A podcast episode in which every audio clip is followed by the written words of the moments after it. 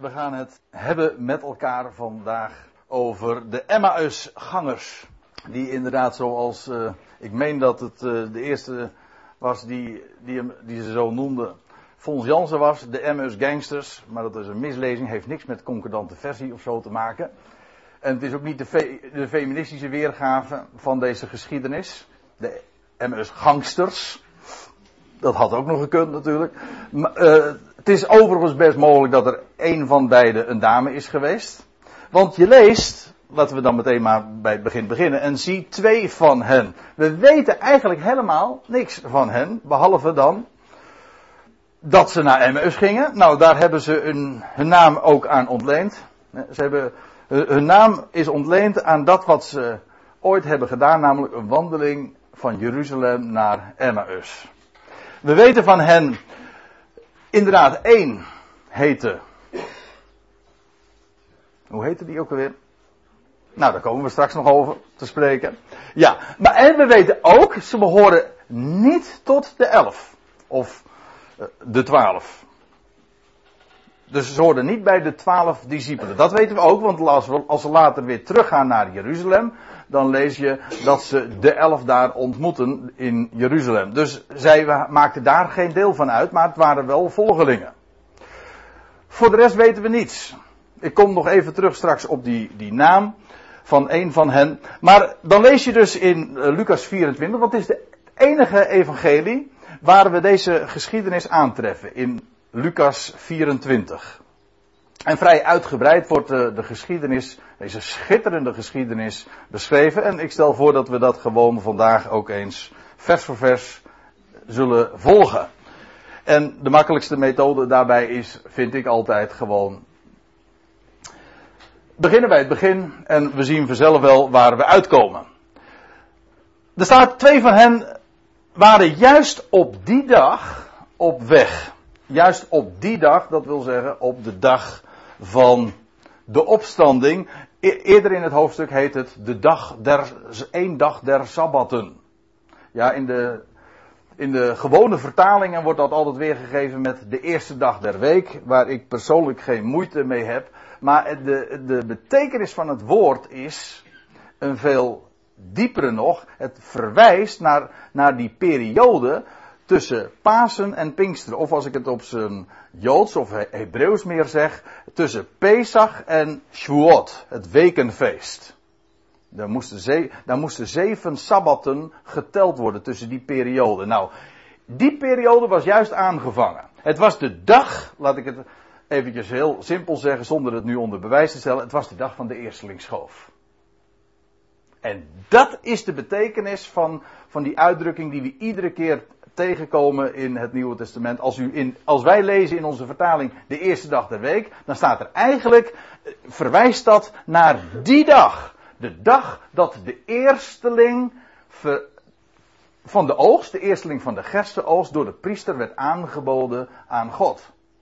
En dat maakt het natuurlijk nog even heel, veel aparter, want het betekent namelijk dat het verwijst naar de eersteling van de grote oogst, zoals Pieter zojuist ook al even aangaf. De, van de grote oogst die gaat volgen. Want het, hoe was het ook alweer, het in het verleden behaalde resultaat biedt alle garantie voor de toekomst. Dat is mijn versie daarvan. Hij is de eersteling en de rest volgt vanzelf. Op zijn tijd. Dat was dus de dag waar het om gaat. Uh, dus twee van hen waren juist op die dag op weg naar een dorp. Als u een statenvertaling hebt, staat het wat leuker. Een vlek. Het was een gehucht. Een dorpje 60 stadien van Jeruzalem verwijderd, genaamd, genaamd Emmaus. Het is echt een vlek geweest, want het is echt niet meer terug te vinden. En de geleerden zijn er nog steeds niet over eens waar het precies dan wel gelokaliseerd moet worden. Ja, op een afstand van 60 stadium, maar dan weet je nog niet zoveel. Link, links, rechts, noord, zuid. Hm? Dus dat is niet zo heel erg duidelijk. Wat wel duidelijk is, wat de afstand ongeveer is geweest. Namelijk, nee, vrij precies zelfs. 60 stadien. En u weet, een, en als u het niet weet, dan vertel ik het u bij deze. Een stadie, dat is, althans in de Griekse wereld van die dagen, was een afstand van 192 meter, om precies te zijn. Ons woord stadion komt daar ook vandaan. Zo'n zo'n loopbaan, de renloop. Als Paulus het heeft in 1 Korinthe 9 over, dat, uh, over de renloop, nee, over de wedloop. Nee, ik moet het goed, helemaal goed zeggen, de renbaan, dan wordt, hier, dan wordt daar ook dat woord gebruikt. Stadi. Gewoon de, de renbaan uh, van het stadion, zeg maar. Die afstand is het. Om precies te zijn 192 meter. Maar vermenigvuldig dat met 60, dan kom je op een afstand van ongeveer 11,5 kilometer. Dus daar doe je ongeveer, wat zal het zijn? Twee uur, 2,5 uur over. En als je, en als je het in looppas doet, zo heet een van beide ook, hè? Klooppas, hè? Toch? Nou ja, oh, dat is. Maar in elk geval, als, dan doe je er ongeveer anderhalf uur over. Maar ik ga ervan uit dat zij wandelen. Op een gegeven moment staan ze zelfs nog stil, ook weten we. Maar in elk geval, zij gingen naar een, uh, naar een dorpje genaamd Emmaus. 60 stadien van Jeruzalem verwijderd. En dat blijkt echt de verkeerde richting te zijn. Ze maken het later weer helemaal goed, want ze gaan dan alsnog naar Jeruzalem terug, maar daarover nog later te spreken. En zij spraken, lezen we, zij spraken met elkander over al wat voorgevallen was. En dat was heel veel. En het geschiedde, vers 15, terwijl zij daarover spraken en van gedachten wisselden. Eventjes inzoomen op dat woord. In het Grieks, nou laat ik het anders zeggen. Elders in de MBG-vertaling wordt dat woord, wat hier weer gegeven wordt met gedag, van gedachten wisselen, wordt weergegeven met redetwisten. Nou, dat zal hier niet de, uh, aan de orde zijn geweest. Maar uh, in de concordant version wordt het uh, weergegeven met discussing. Niet disgusting, discussing. Hè. Discussieer, ze discussieerden van gedachten wisselen. Letterlijk betekent dat woord, als je het eventjes etymologisch bekijkt, letterlijk betekent dat woord samen zoeken. Dat vind ik wel een, toch wel even grappig om daarop te wijzen. Want discussiëren is eigenlijk dus. Dat is niet redetwisten, dat is niet dit, hè, de confrontatie, maar het is samen zoeken. Nou, dat is wat, waar zij mee, mee bezig waren. Zij, zij zijn druk in gesprek, ze wisselen van gedachten en dat doe je eigenlijk ook. Waarom? Je wil, je wil van de ander weten hoe het zit en, en zo wissel je van de, de, de opinies en de verschillende ideeën daarover. Zij wisselden met elkaar van gedachten daarover. En terwijl zij dat doen, eh, dan lees je dat Jezus zelf bij hen kwam en met hen meeging. Maar staat er, hun ogen waren bevangen, zodat zij hem niet herkenden. Dat woord herkende, dat staat in het Grieks het woordje epignosis. Ik ben daar nu ook eh, de afgelopen week nog wat mee bezig geweest. Aankomende zondag hoop ik in Rotterdam wat meer daarover te vertellen, over dat woord. Dat betekent in de, als je de concordant version uh, leest, dan wordt dat meestal weergegeven met realization. Je realiseren, beseffen. Ja, ze beseften niet met wie ze spraken. Zij waren natuurlijk heel druk eh, met elkaar in gesprek. Het onderwerp had al hun aandacht, zodat in ieder geval hun ogen waren bevangen. Ze herkenden hem niet. En dan lees je in vers 17. Hij, en hij zeide tot hen: Wat zijn dit voor gesprekken? Die gij al wandelende met elkander voert. En ze bleven met somber gelaat staan. Nou, dat laatste geeft wel aan hoe hun stemming in het algemeen was. Dat, som, dat sombere gelaat eh, zal wel niet verband houden met het feit dat die vreemdeling nu aan hen vraagt van waarover hebben jullie het? Nee, zij waren al somber en ze blijven staan omdat ze, omdat ze zich verbaasd afvragen waarom die vreemdeling dat nou niet weet. Ja, wat zijn dat voor gesprekken die gij al wandelende met elkaar voert? Ja, en waar kunnen mensen allemaal uh, al niet met elkaar over praten, nietwaar? Als het Nederlanders waren geweest, dan hadden ze het gehad over Het weer, ja. Waarom het nou met de paasdagen zo slecht en zo koud en zo regenachtig is. En dat het pal na de Pasen prachtig weer gaat worden. Ja, kijk, dat, dat beslaat dan onze horizon. of over voetbal natuurlijk, of over politiek, of meer van dat soort onbenullige onderwerpen. Of uh, denkt u daar anders over?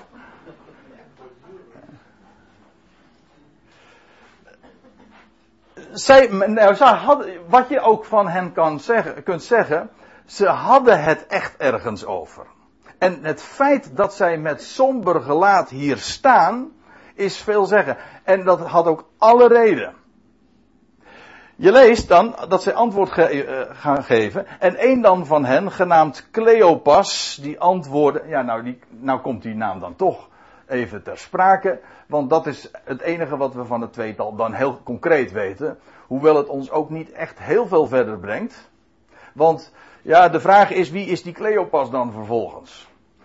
Mogelijk, ik zeg het met een vraagteken, mogelijk is hij dezelfde als die we tegenkomen in Johannes 19, vers 25. Daar lees je, en bij het kruis van Jezus stonden zijn moeder en de zuster van zijn moeder, Maria van Klopas.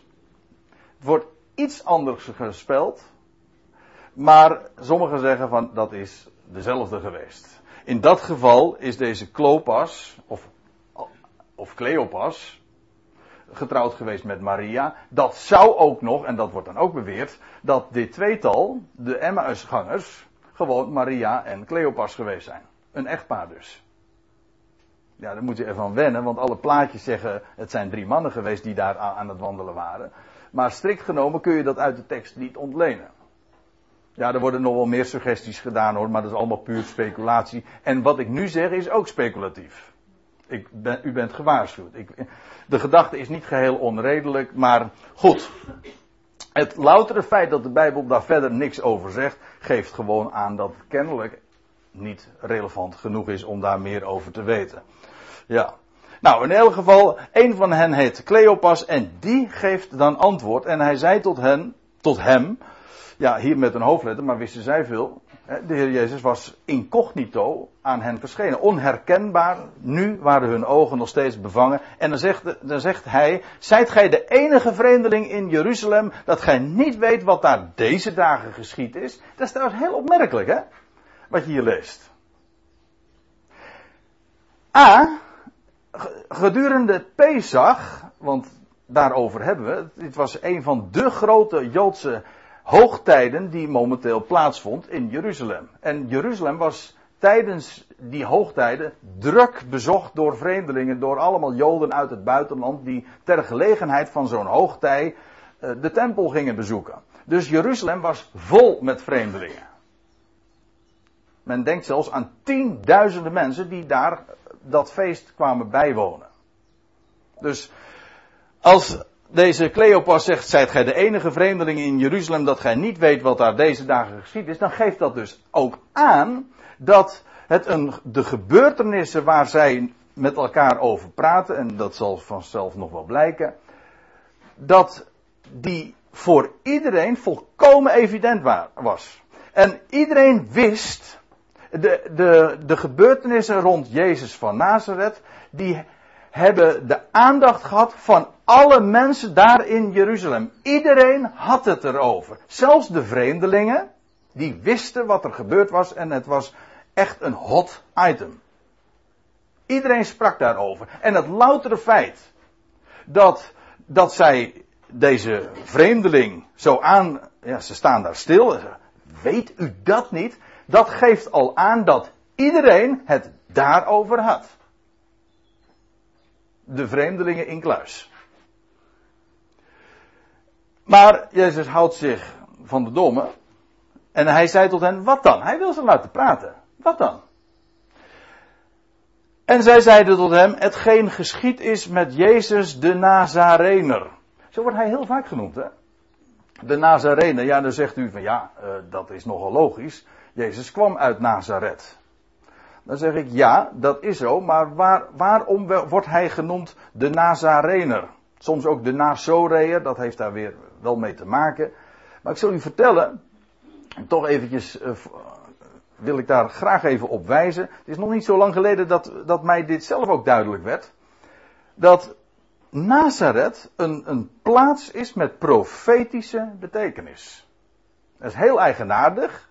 Want Nazareth is een plaats die we alleen maar in het Nieuwe Testament tegenkomen. In het Oude Testament vind je het nergens.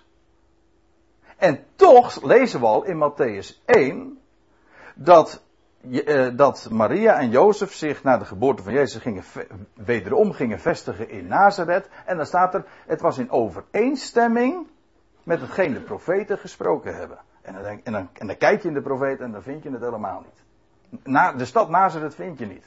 Maar je vindt wel iets anders. Je vindt namelijk dat. Kijk, Nazareth is afgeleid van een Hebreeuws woord netzer. En netzer is een term die in de bij de profeten, ik bedoel met name Jezaja, een grote rol speelt in, in verband met de Messiaanse profetie. Er zal een reisje, Jezaja 11 vers 1. Er zal een reisje, netzer staat er in het Hebreeuws, een scheut, voortkomen uit de afgehouwen tronk van Isaïe.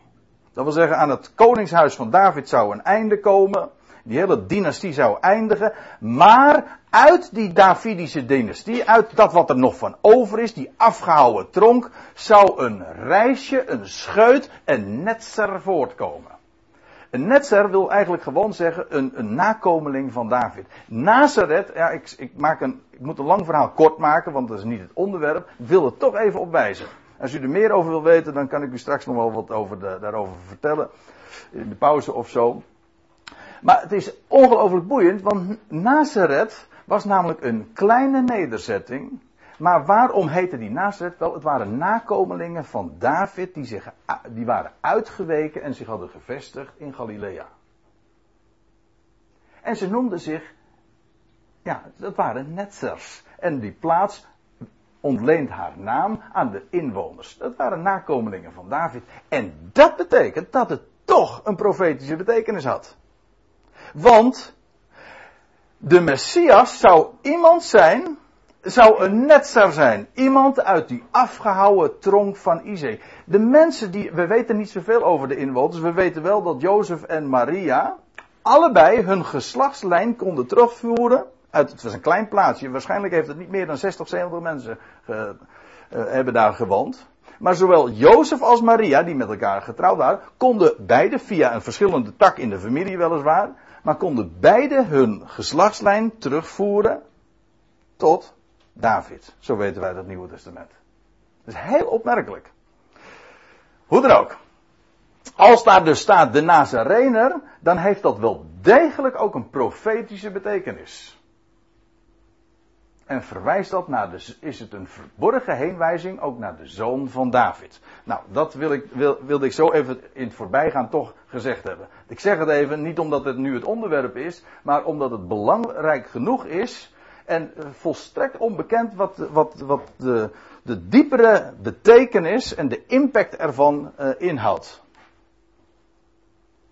Goed, uh, even terug naar die Cleopas. Uh, hij zei, nou goed, de, de Jezus vraagt, waar hebben jullie het over? Of uh, wat dan? Wat is er dan gebeurd? Zij zei tot hem, hetgeen geschied is met Jezus, de Nazarener. En dan zeggen ze van hem, een man die een profeet was, machtig in werk en woord. Dat wil zeggen, in dat wat hij deed. In, hij was goddoende, wonderen verrichtend, hij trok het land door machtig in werk en woord. En in wezen was het zo dat zijn werk ook niets anders was dan een illustratie van het woord van wat hij sprak. Een man machtig in werk en woord voor God en het ganse volk. En het volk droeg hem ook op handen. Ze luisterden ook graag naar hem lezen we. En het was duidelijk dat hij een profeet was. De wijze waarop hij sprak was ook niet, zo lezen we elders in de evangelie, was ook niet zoals de schriftgeleerden en de fariseeën daarover, eh, die, die, die spraken over, over het woord van God, maar hij sprak het woord van God zelf. Hij sprak met gezag. Het was een profeet. machtig in werk voor God, het ganse volk. En dan staat er, en hoe hem onze overpriesters en overste overgegeven hebben om hem ter dood te veroordelen en hem gekruisigd hebben.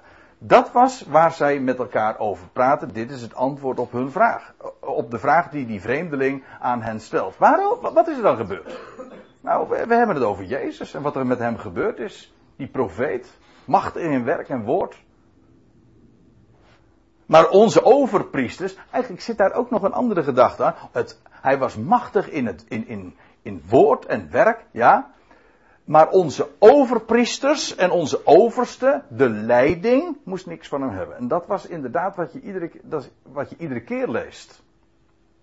Dat het, met name het Sanhedrin, de, de leidslieden, de overste zijn het, die hem uit de weg wilden ruimen.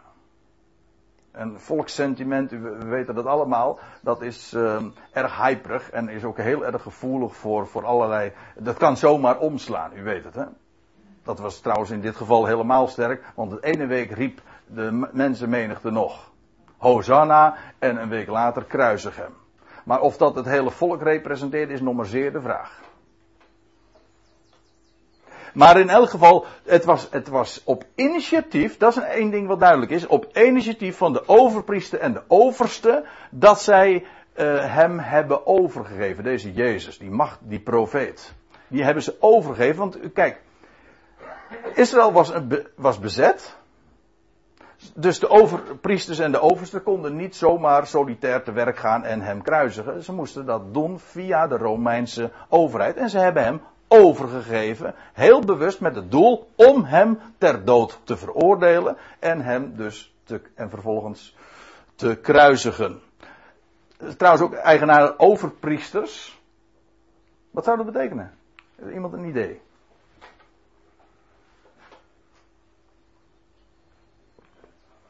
Wat? Ja, ja overpriesters betekent inderdaad de, de, degene die boven de andere priester staat. Maar wij, wij kennen een ander woord daarvoor en dat is de hoge priester. Maar bijbels gezien is dat er maar één. Dit was het louter feit dat men overpriesters had, is al een indicatie dat men heel onbijbels bezig was. Want een, een hoge priester zou het namelijk zijn voor, zijn, voor het leven. En daarna zou, zou hij opgevolgd worden door een andere hoge priester. Dat was allemaal geregeld. Maar het, het loutere feit dat men over priesters had, hoge priesters, want dat werd namelijk jaarlijks ook afgewisseld. Je leest ergens in het Johannes-evangelie ook dat Caiaphas een profetie doet als hoge priester van dat jaar.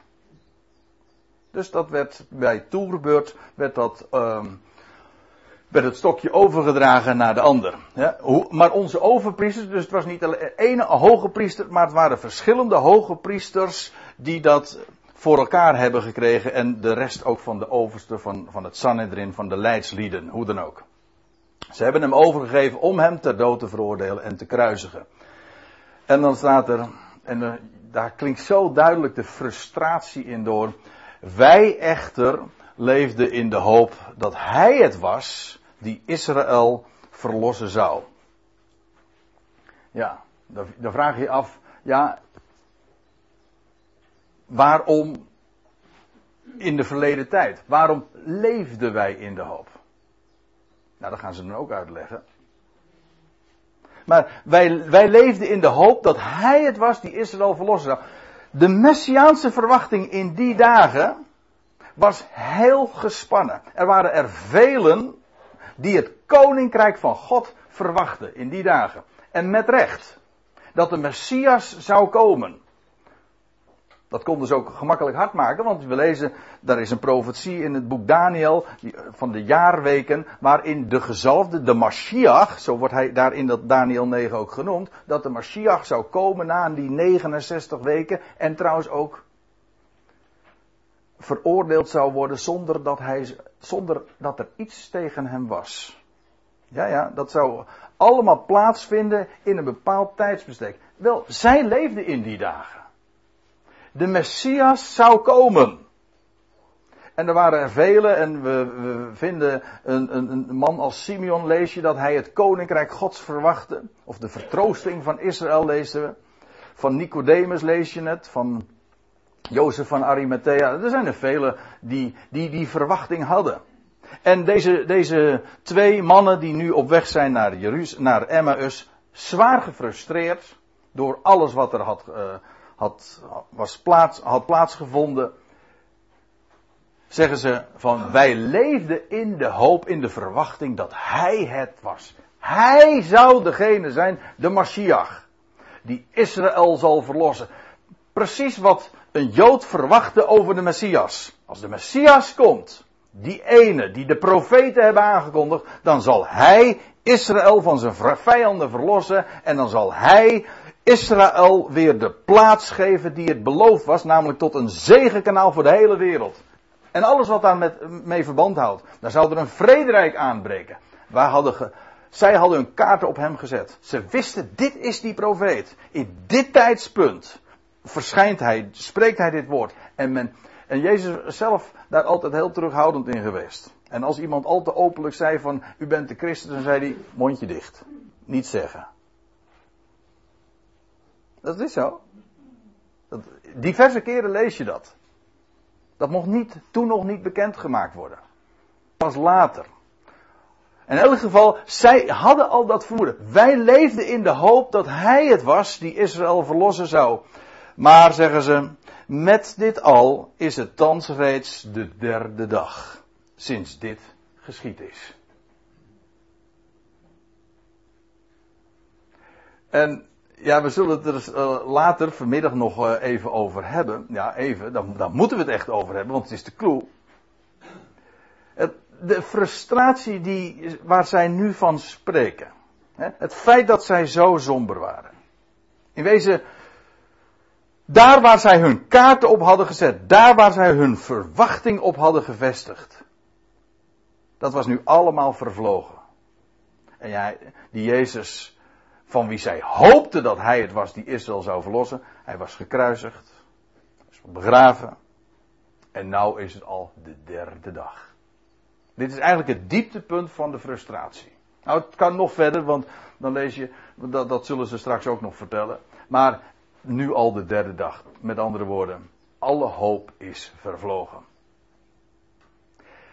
En dan zie je hoe men totaal niet op de hoogte is geweest. Ik, geef nu eigenlijk al even een voorschot op wat ik vanmiddag ook zal aantonen.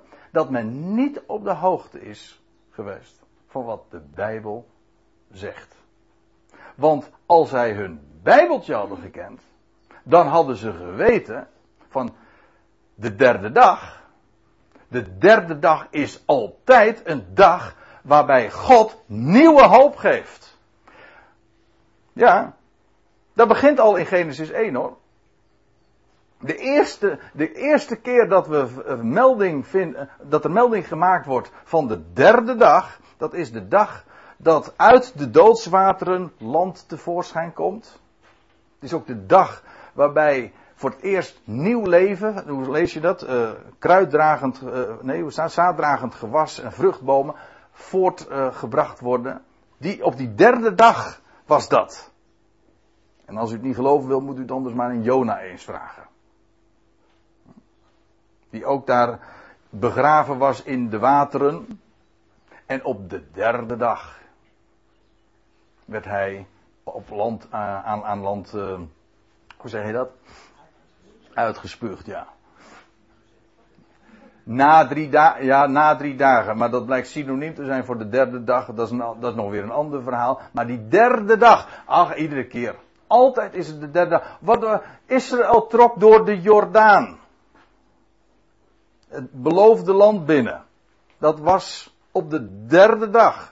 Ja, het staat er niet zo 1, 2, 3, maar als je gewoon telt, dan zie je, het was de derde dag. Men vestigde zich bij de Jordaan en pas op de derde dag trok men door de Jordaan. Waarom moest men wachten tot die derde dag? Het is altijd de derde dag.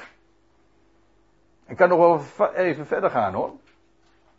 Maar ik wijs er nu even alvast op dat als zij hier zeggen met dit alles is het thans reeds de derde dag sinds dit geschied is, dat zou geen reden moeten zijn om nu zo somber te zijn. Integendeel, dat je juist de verwachting des te sterker zou zijn. Nu is het de derde dag. Nou, dat zal dan ook blijken in nader in dit gesprek. Zij gaan nog even verder. nou zeggen ze, maar ook zeg, uh, vertellen ze, ook hebben enige vrouwen uit ons midden ons doen ontstellen. Ja. U zegt dat doen vrouwen wel vaker. Of mag ik dat niet zeggen hier? Hm? Uh, ja. Zij waren. Eh, de, de nadruk ligt hier inderdaad subtiel toch op dat woord vrouwen hoor. Dat moet ik toch wel zeggen. Het was vrouwenpraat, dat blijkt. Dat, ze, dat, dachten ze tenminste. Hè? Uh, zij waren in de vroegte bij het graf geweest. Dus het kan nog erger. Bedoel, bij alles wat er nou gebeurd is. Nou, het kan nog erger. In elk geval, dat maakt de, de verwarring des te groter. Want wat, uh, wat er aan de hand was, zij waren in de vroegte bij het graf geweest. En staat er dan nog, en ze hadden zijn lichaam niet gevonden. En zijn toen komen zeggen dat zij ook een verschijning van engelen, van boodschappers gezien hadden, die zeiden dat hij leeft. Allemaal dezezelfde dag, deze derde dag, dat dit allemaal had plaatsgevonden. En staat er, en enige van de onze zijn toen naar het graf gegaan en hebben het zo bevonden als de vrouwen ook gezegd hadden, maar hem hebben zij, die mannen, niet gezien. Nee, met andere woorden, het was puur vrouwenpraat. Maar het geeft wel aan dat het een issue was. Dat was wat hen nu bezig hield. Zij waren, ze kwamen net uit Jeruzalem. Ze maken een reis, een, een, een wandeling naar Emmaus. En ze praten over alles wat plaatsgevonden had. Wat iedereen in Jeruzalem ook wist. Dat dat, dat had zo de aandacht getrokken. En nu, op deze dag, blijkt het graf in elk geval leeg te zijn, dat is waar. Maar wat er aan de hand was, weten we niet. Ja, vrouwen die zeggen dan van, ze hebben een verschijning van engelen gezien, maar vrouwen zeggen wel vaker wat. En zien ook wel eens vaker wat. Hè? Zo, in, dat, in die sfeer ligt dat dan.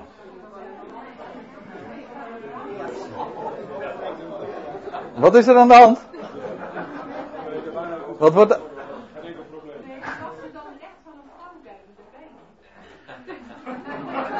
Ja, dat kun je inderdaad toch. Nee, dat denk ik. Ik denk het ook niet. Ik denk dat het gewoon ook twee mannen geweest zijn. Maar. Uh, ja. Een verstandige vrouw geweest. Nou, laten we, laten we het heel netjes houden, hè.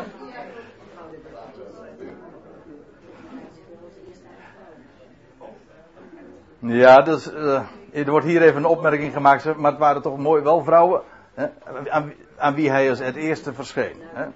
Ik bedoel, want als we zo denigrerend of zulke grapjes, in alle aardigheid zulke grapjes maken over dames, dan moeten we er toch bij zeggen dat wat deze mannen, als het mannen geweest zijn, hè, uh,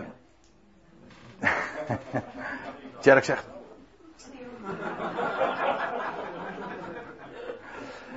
Uh, dan hebben ze het in elk geval helemaal bij het verkeerde eind gehad. Hm? Ja, deze mannen hadden het helemaal bij het verkeerde eind. En dat blijkt dan ook.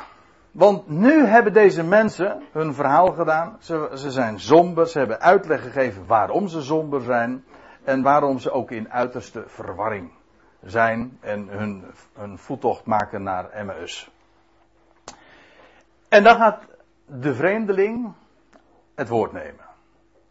En hij, en hij zei tot hen: O onverstandige en tragen van hart. Dat is wat ouderwets Nederlands geformuleerd, maar het geeft wel precies aan wat er ook in de tekst staat. O onverstandige, zegt hij tegen deze mannen, ja.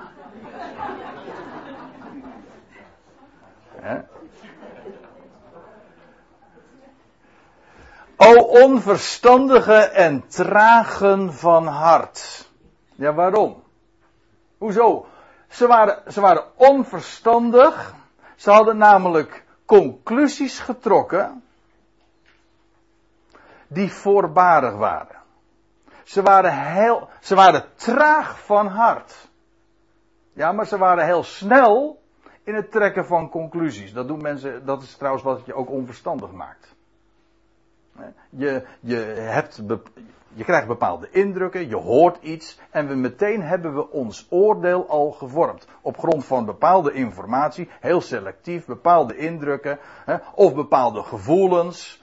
Een mens trekt zomaar conclusies, een vooroordeel. Dat is precies wat onverstandig is. En in feite is het zo dat de traagheid van hart even, om, moet ik het goed zeggen, omgekeerd evenredig is met de snelheid waarmee je conclusies trekt.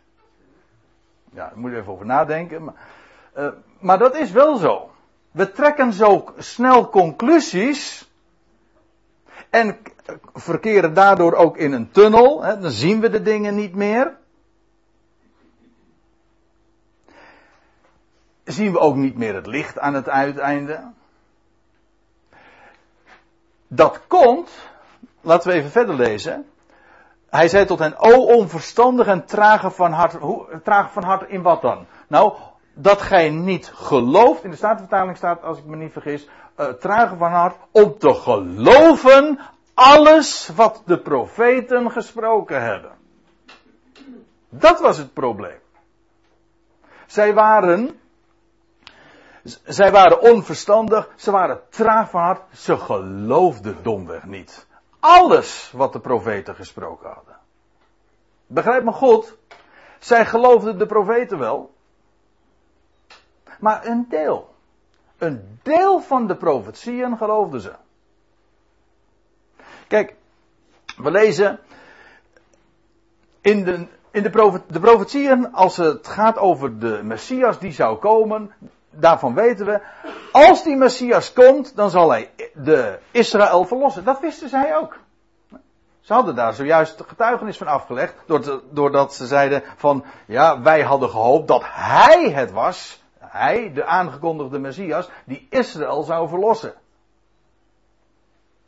Dat deel geloofden ze.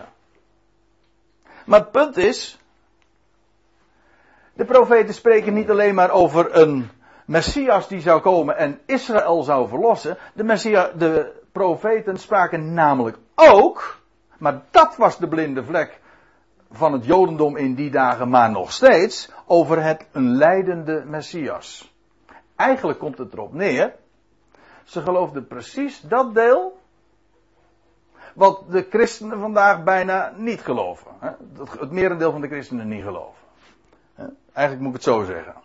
Als u goed naar het plaatje kijkt. Kijk, dit is het deel van de messiaanse profetieën die christenen geloven. Namelijk dat de Messias zou komen. uh, ja, zou komen en zou lijden en zou verworpen worden. Ja, en Israël heeft een Messias verwachting waarbij eh, centraal staat dat Israël verlost zal worden. En nou moet je die twee bij elkaar in gesprek dan zien. Die begrijpen niks meer van elkaar. Maar in beide gevallen geloof je niet alles wat de profeten hebben gesproken. Men neemt slechts een deel. Ik bedoel, ik, we kunnen natuurlijk onaardig zijn over, over het Jodendom dat ze de Messias niet hebben herkend. Dat is zo. Maar als, als we, het, het, als we de, profe, de profeten lezen.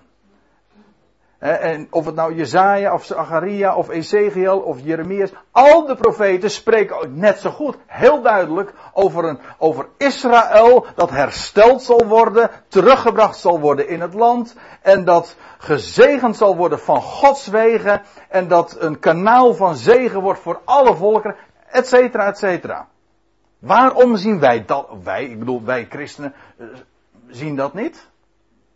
Waarom geloven we maar een deel van de profeten? En dat is, weet u hoe het komt? Omdat we, ja, onverstandig is, zijn. Maar we zijn, maar hoe komt het dat we zo onverstandig zijn? We zijn traag van hart om te geloven dat wat de profeten hebben gesproken. Daarom. En hoe komt dat dan weer? Wel, dat is de traditie die ons verblindt. Men zegt. Kijk, en dan kun je natuurlijk bezig zijn met theologie en, en, en drukdoende zijn met praten over de Bijbel. Want dat gebeurt, dat deden zij eigenlijk ook. Eigenlijk waren zij aan het theologiseren. Ze praten met elkaar. Wat denk jij er nou van? En ja, goh, dat weet ik ook niet hoor. En wat denk jij dan? En wezen, het waren twee blinde mensen. Ja, met recht ook, want hun ogen waren bevangen.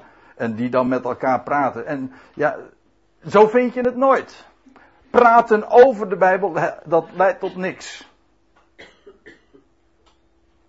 Dat soort gespreksgroepjes, ja, die, eh, dat, heet, die heb je ook vandaag. Ik hoorde laatst nog iemand erover spreken. Die zat ook in, in, een, in een Bijbelgesprekskring. En, maar in de praktijk, dat, dat, dan doen ze met elkaar Bijbelstudie, zeggen ze. Zeggen ze?